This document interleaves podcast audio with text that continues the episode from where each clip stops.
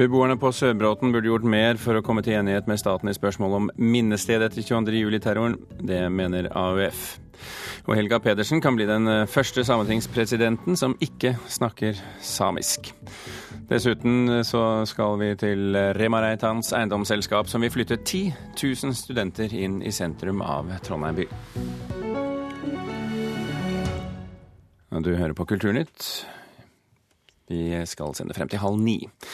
Vi står foran en eh, opprivende rettssak som bare vil føre til mer smerte for dem som allerede har opplevd veldig mye smerte. Det mener AUF-leder Mani Hussaini som om den betente saken om minnestedet etter 22.07 på Sørbråten i Buskerud.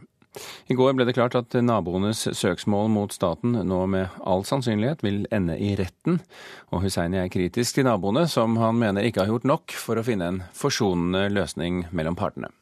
Det de etterlatte og de berørte, de overlevende, nå fortjener, det er fred og ro.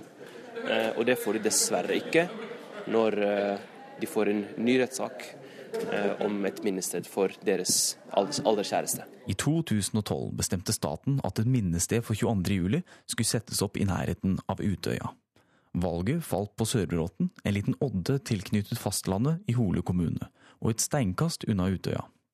Naboene som bor i nærheten av odden, har reagert kraftig, og etter flere års motstand mot utbyggingsplanene, så saksøkte de staten i sommer. I går kom regjeringsadvokatens tilsvar, og det ser nå ut til at det blir en rettssak. Ja, på det nåværende tidspunktet så ser det slik ut.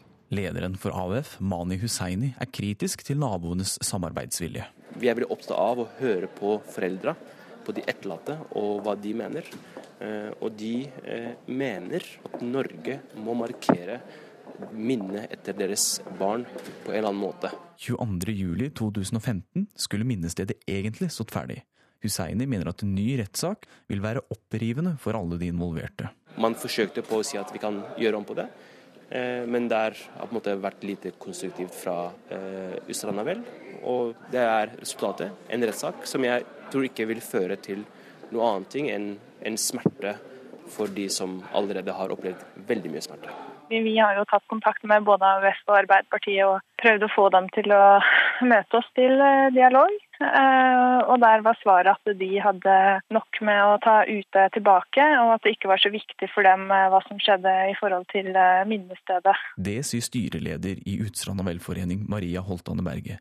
Hun bor ikke langt unna plassen hvor minnestedet planlegges å være, og hun har forutsett at det kunne bli en rettssak.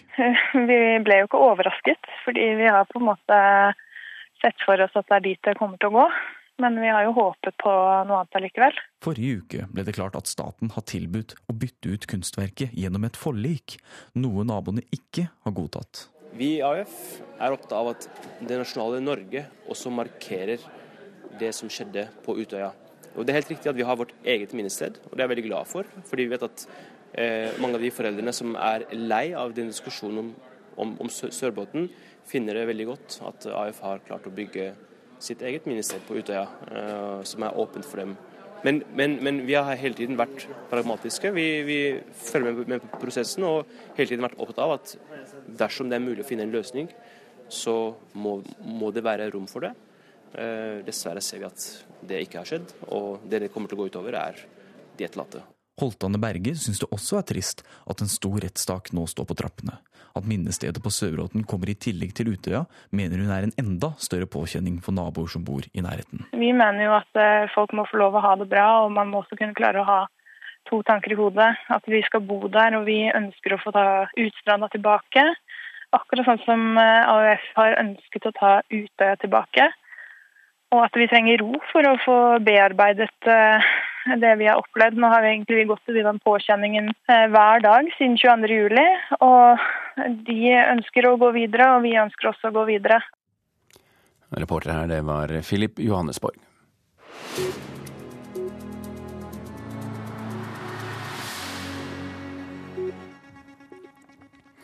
Så til dagens aviser, og nå gjelder det å følge nøye med. For i dag kan Dagens Næringsliv fortelle at kulturminister Linda Hofstad Helleland ber Mediemangfoldsutvalget om å hastelevere en delutredning av ulike modeller for statlig kompensasjon for en kommersiell kringkaster. Reporter Brage Berglund, hva betyr dette egentlig? Ja, vi får prøve å gjøre det litt mer forståelig, da. Rydde opp. Først og fremst så er eh, oppgaven til Mediemangfoldsutvalget å utrede hvordan statens ulike former for økonomisk drahjelp til mediene skal fungere best eh, mulig for å sikre et godt eh, mediemangfold i landet. Og i et brev fra Kulturdepartementet mandag fikk Mediemangfoldsutvalget beskjed eh, om at de skal evaluere tre ulike modeller for hvordan staten kan gi en framtidig kompensasjon for en kommersiell allmennskringkaster. Og i praksis betyr dette hva man kan tilby TV 2 for å få kanalen til å fortsette som allmennkringkaster. For, for, for eh, TV 2 vil hvis de får litt kompensasjon. Ja, eller ja, de har jo slitt mye, og det har vært eh, mye eh, klabb og babb og forhandlinger rundt dette. Eh, men nå har altså eh, Mediemangfoldsutvalget fått beskjed om at de har under én måned på seg til å levere en såkalt delutredning av eh, disse tre modellene.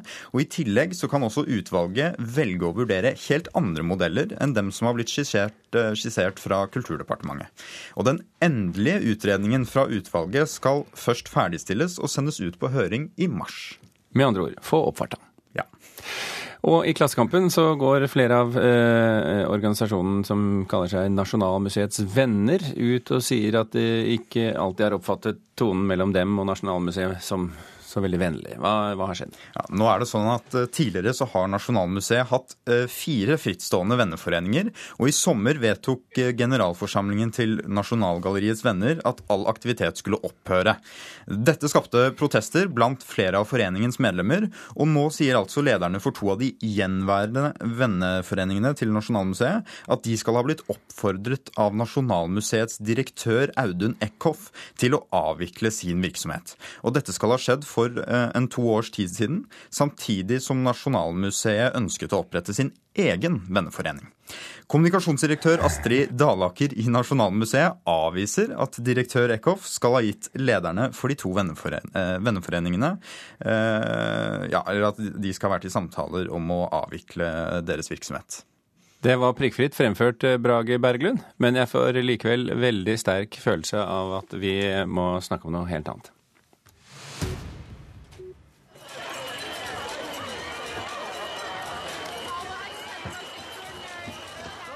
Og det vi nå må snakke om, det er altså den største nyheten som gikk verden rundt i går. For eh, nesten uansett hvor i verden Brangelina, dvs. Si ekteparet Brad Pitt og Angelina Jolie beveget seg, så, så var det som under filmfestivalen i Sarajevo, som du hører her. Vill oppstandelse og voldsom oppmerksomhet og millioner av knipsende kameraer. Og i går så føyk altså oppmerksomhetsbarometerne helt i taket igjen, for nå skal altså Pitt og Jolie skilles. Morten Egseth, journalist i VG, velkommen til Kulturnytt. Takk. Kan du Altså, først og fremst kanskje på bakgrunn av de ryktene som har fulgt Pitt og Jolie fra tiden nærmest før de ble sammen for 13 år siden, så må jeg nesten spørre var dette overraskende, eller var det ikke overraskende? Jeg tenker både ja og nei. Eh, Overraskende ja, fordi Pitt og Jolie har vært et par som har vært hakket mer elegant, hakket mer seriøse og hakket mer troverdige enn andre Hollywood-par. Liksom, Mens andre par har vært opptatt av babyolje, sex og seg sjæl, så har Jolie og Pitt vært opptatt av veldedighet, barn og andre ting som eh, framstår mer troverdig. Så sånn sett så var det sånn Det var et par som ikke insisterte på sin kjærlighet, og derfor så var vel liksom deres på en måte De som konstellasjon var mer troverdige enn andre par, som f.eks. Kim Kardashian og Kanye West.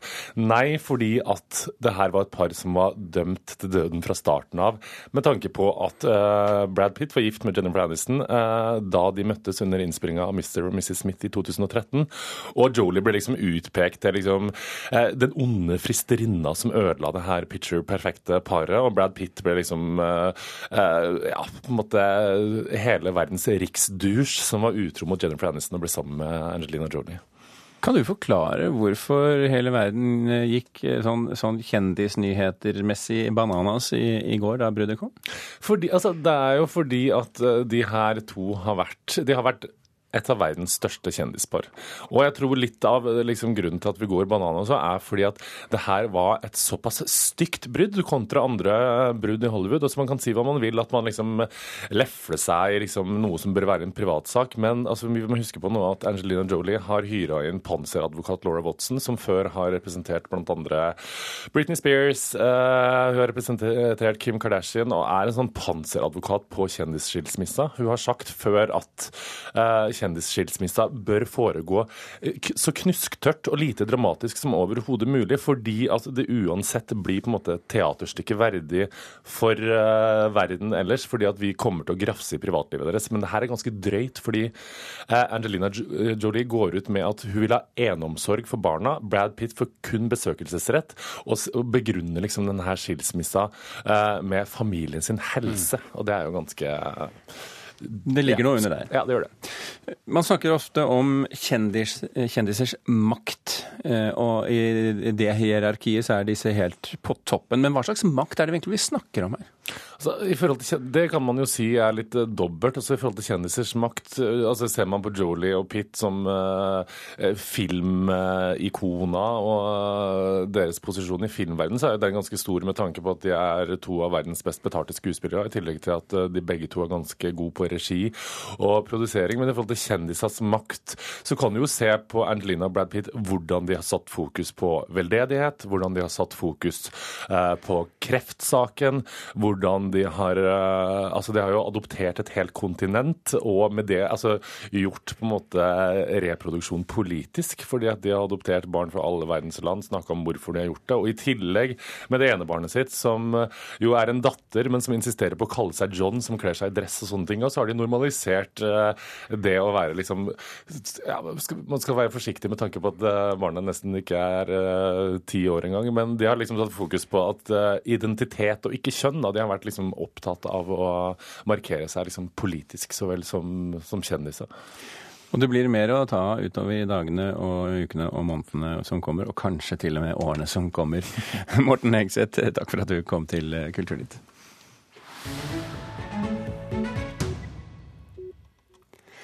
Helga Pedersen fra Arbeiderpartiet kan bli den første sametingspresidenten som ikke snakker samisk. Og hun vil heller ikke love at hun skal lære seg det.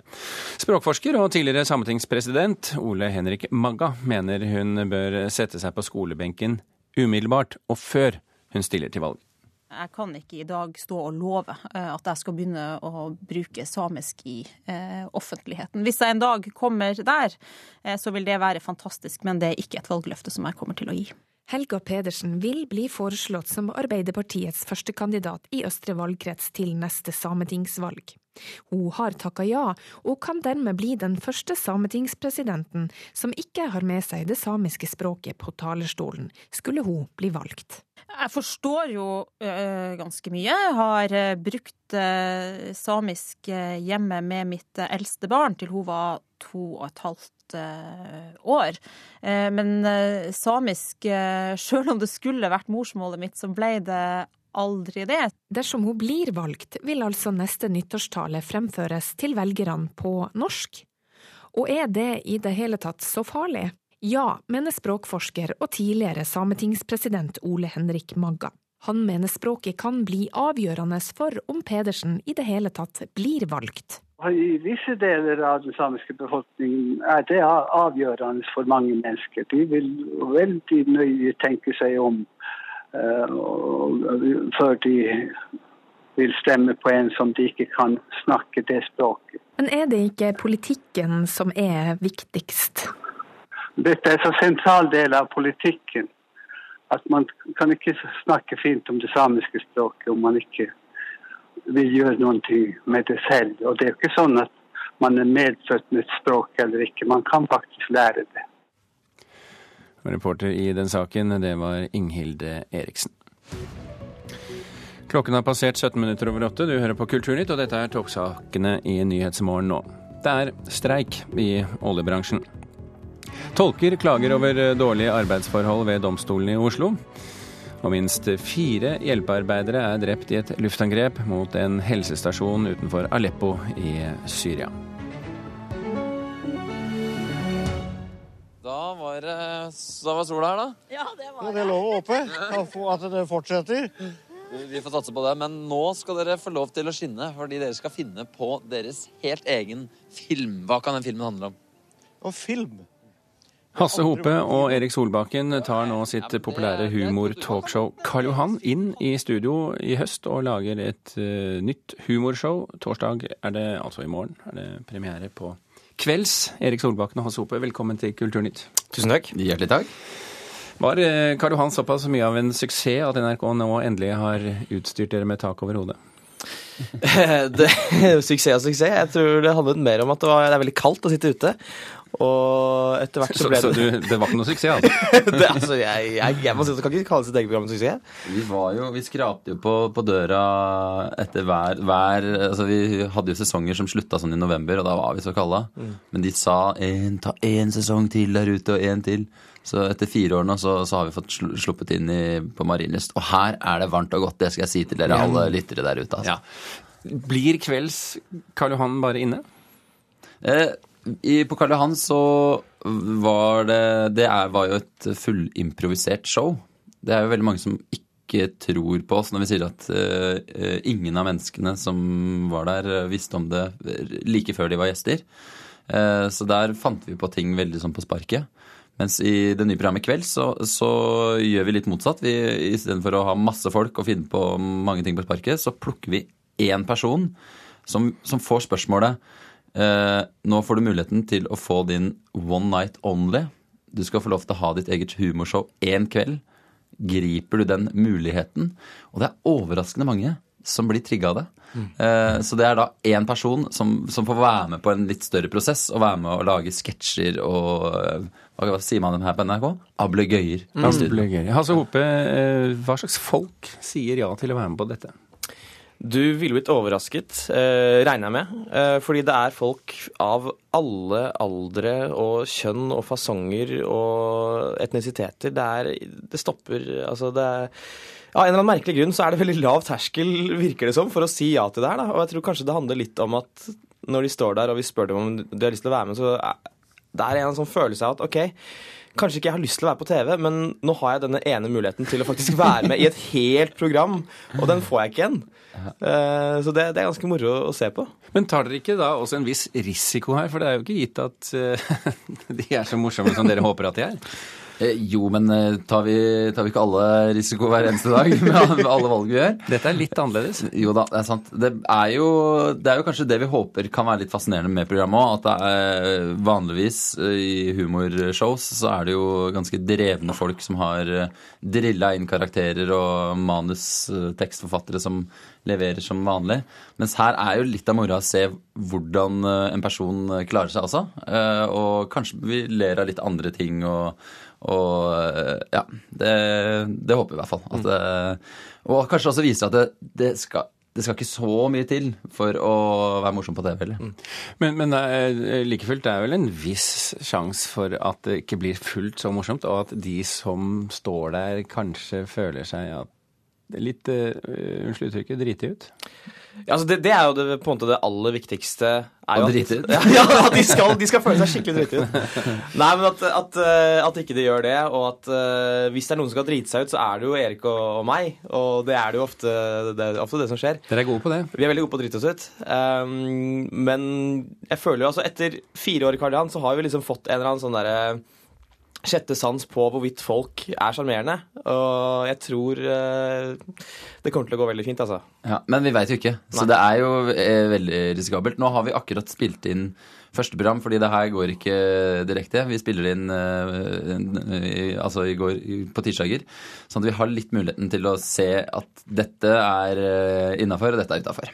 Men når dere først uh, har publikum i salen, og dere har valgt deres person, og alle, altså begge timene er spilt inn, ja.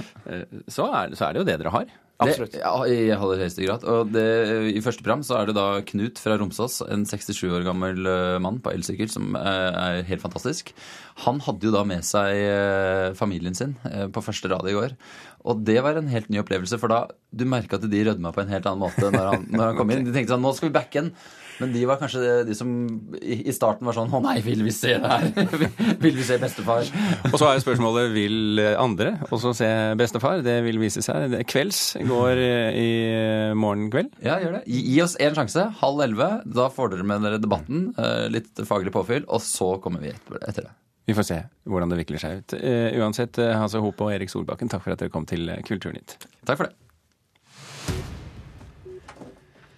Rema Reitans eiendomsselskap kaster seg nå inn i debatten om hvor NTNU skal bygge ut i fremtiden. I dag ligger universitetet på Dragvoll utenfor byen, men i går ettermiddag fortalte vi her at formannskapet i Trondheim ønsker at universitetet i Trondheim må bygge nytt i sentrum av byen, nærmere bestemt på Kalvskinnet, et par kvartaler fra Nidarosdomen og Torget. EC Dals Eiendom, byens eh, største private gårdeier, har også ambisjoner om å få samlet 10 eh, 000 studenter i sentrum av Trondheim by. Man ønsker jo et campus som både er bynært, urbant, og som skaper integrasjon med byen. Og det beste måten å gjøre det på, det er jo å bevege seg og utnytte potensialet som er på kalvskinnet. Svein Erik Nordbotten er administrerende direktør i EC Dals Eiendom, og nå handler det om å få tusenvis av studenter til Trondheim sentrum. For etter mange års oppheta debatt er det bestemt at Universitetet i Trondheim skal samles på ett campus rundt Gløshaugen. Det som tidligere var NTH Norges tekniske høgskole, og avdelinga på Dragvoll, et godt stykke unna sentrum, blir lagt ned. Saken er nå ute på høring, og i dag går fristen ut for å si sin mening. Det å konsentrere enda mer rundt Gløs, det tror vi egentlig skaper bare det har vært en borg fra før som folk ikke har følt seg noe spesielt invitert til, og jeg tror det skaper bare en enda større borg. NTNUs egen arbeidsgruppe mener campus skal strekkes fra Gløshaugen vestover mot Elgeseter. Målet er å gjøre universitetet mer urbant, men Elgeseter blir aldri urbant, ifølge Nordbotten. Det er ikke et urbant område, og, Trondheim i seg sjøl er jo eh, såpass liten at den er jo problemet med å være urban nok, den. Det er noen som skal ofre sparepengene sine for å starte de butikkene i de kafeene osv. også. Med mindre NTNU har tenkt å sponse det, det tror jeg ikke de gjør. Etter sammenslåinga med Høgskolen i Sør-Trøndelag er allerede noe av universitetet på kalvskinnet. Med Vitenskapsmuseet, Trøndelag Teater, flere historiske bygninger som nære naboer, og en av byens flotteste tomter, Løitenhaven, eid av kommunen, og som i dag er en parkeringsplass. Vi har tomtsiden tomt siden av um, teatret som er mulig å utvikle. Det er tomter bak Vitenskapsmuseet som er mulig å utvikle. Det er tomter mange plasser på Kalvskinnet. Så du kan få løfta hele Dragvoll-miljøet ned på kalvskinnet. Og argumentet mot oss ofte når vi foreslår det, det er jo at vi ønsker å tjene mer penger på det sjøl. Men vi har ei tomt vi på kalvskinnet, og den er utbygd og utleid for de neste 15 årene. I samarbeid med arkitekt kan de legge frem skisser som viser et potensial for nytt campus på rundt 130 000 kvadrat, og det er et steinkast fra torvet, sjølve hjertet i Trondheim sentrum. Aksel Tjora, professor i sosiologi ved NTNU, har samarbeidet tett med EC Dals eiendom, og håper de når frem med sin visjon. Det at byen vokser sammen med campus, det gir oss en mulighet til å tenke helt nytt på universitetet og sammenligne oss med de engelske universitetene vi gjerne skulle vært mye likere, som Oxford og Cambridge, eh, som har vært mine inspirasjoner til det her. Tjora er ikke i tvil om at dette vil gi en mye mer spennende og levende bydel. Og Det tenker jeg at hele Trondheims befolkning vil ha, ha nytte av. Og sist, men ikke minst, det her med å utvikle det som f.eks. Løitenhaven, som er en litt sånn død parkeringsplass, til noe som er litt mer spennende og biter innimellom som har litt parkmessige kvaliteter. Det vil hele byen kunne ha veldig, veldig glede av. Det sa Aksel Tjora, professor i sosiologi ved NTNU. Reporter her, det var Grete Tobro. Med oss eh, i eh, studio fra Porsgrunn har vi nå vår litteraturkritiker eh, Leif Ekle. Velkommen, Leif. Takk, og god morgen. Og jeg kan jo åpenbart ikke se deg, men jeg tipper at du har med deg en bok som heter 'Drømmer fra Texaco'. det har du helt rett i. Ja, Skrevet av Katrine Evelid.